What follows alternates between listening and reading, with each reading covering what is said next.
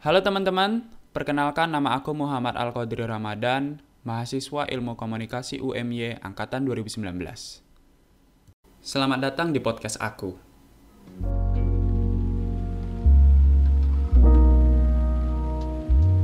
Kali ini aku bakal sharing tentang teknologi penyiaran. Ngomong-ngomong tentang sekarang nih, zaman sekarang itu pasti nggak luput dari yang namanya teknologi kan? Seperti yang kita ketahui, perkembangan teknologi itu udah pesat dan canggih. Apalagi dalam aspek teknologi penyiaran. Dulu itu kalau mau siaran itu susah banget loh, karena terkendala dari alat atau teknologi yang ada. Zaman sekarang semua udah serba maju, mau ngapain aja juga pasti bisa, nggak ribet-ribet kayak zaman dulu. Yang namanya teknologi penyiaran itu nggak luput dari spektrum frekuensi radio. Nah, apa sih spektrum frekuensi radio itu? Buat teman-teman yang belum tahu, spektrum frekuensi radio itu merupakan kumpulan pita frekuensi radio yang berbentuk gelombang elektromagnetik serta memiliki lebar tertentu. Untuk gelombang elektromagnetik sendiri, itu merupakan gelombang yang dapat membawa pesan. Pesannya sendiri berupa sinyal gambar dan suara yang memiliki sifat dapat mengarungi udara. Kecepatan gelombangnya pun sangat tinggi loh. Kecepatannya di ruang hampa aja bisa sampai 300.000 km per detik. Cepet banget kan? Jadi pada dasarnya sinyal ini bisa dipancarkan ke mana aja. Setiap gelombang elektromagnetik memiliki frekuensi yang berbeda. Frekuensi adalah jumlah getaran yang dihasilkan setiap satu detik dengan satuannya, yaitu Hertz. Dalam prakteknya nih, di penyiaran dibutuhkan alat-alat untuk memancarkannya. Alatnya itu ada mikrofon yang berfungsi sebagai pengubah bunyi menjadi sinyal listrik, Terus ada rangkaian pemancar yang mengubah sinyal listrik menjadi gelombang elektromagnetik. Lalu yang terakhir ada antena yang berfungsi untuk memancarkan gelombang elektromagnetik yang udah dibuat tadi.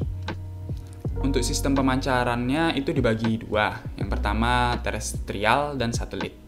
Di zaman sekarang orang-orang lebih banyak menggunakan satelit karena pemancaran satelit lebih jelas dan lebih jernih. Dan untuk penerimanya sendiri itu ada pesawat radio dan juga pesawat televisi. Jenis lembaga penyiaran sendiri itu ada tiga. Yang pertama lembaga penyiaran publik, yang kedua lembaga penyiaran komunitas, dan yang terakhir ada lembaga penyiaran swasta. Dalam penyiaran sendiri, ada yang namanya standar penyiaran, dan setiap negara itu standar penyiarannya berbeda-beda loh. Mau tahu ada standar penyiaran apa aja?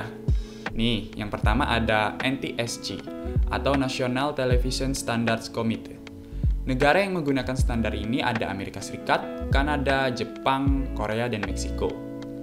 Yang kedua ada PAL atau Pace Alternating by Line. Standar ini digunakan di sebagian Asia termasuk Indonesia dan Cina. Lalu ada Amerika Selatan dan juga sebagian Eropa. Yang terakhir ada SICAM, Sequential Color Affect Memory. Negara yang menggunakan standar ini ada Prancis, Asia Tengah, dan Afrika. Hal yang membedakan dari ketiga standar penyiaran itu ada di jumlah bingkai gambar per detik, jumlah garis setiap frame, dan jumlah frekuensi yang digunakan. Kalau di NTSC, dia memiliki jumlah frame per detiknya 30, dan untuk PAL dan SICAM, dia frame per detiknya 25. Jumlah frame per detik atau biasa disebut FPS itu mempengaruhi kualitas gambar loh. Semakin banyak FPS yang dihasilkan, maka semakin jelas dan jernih gambar yang dihasilkan. Begitu juga sebaliknya.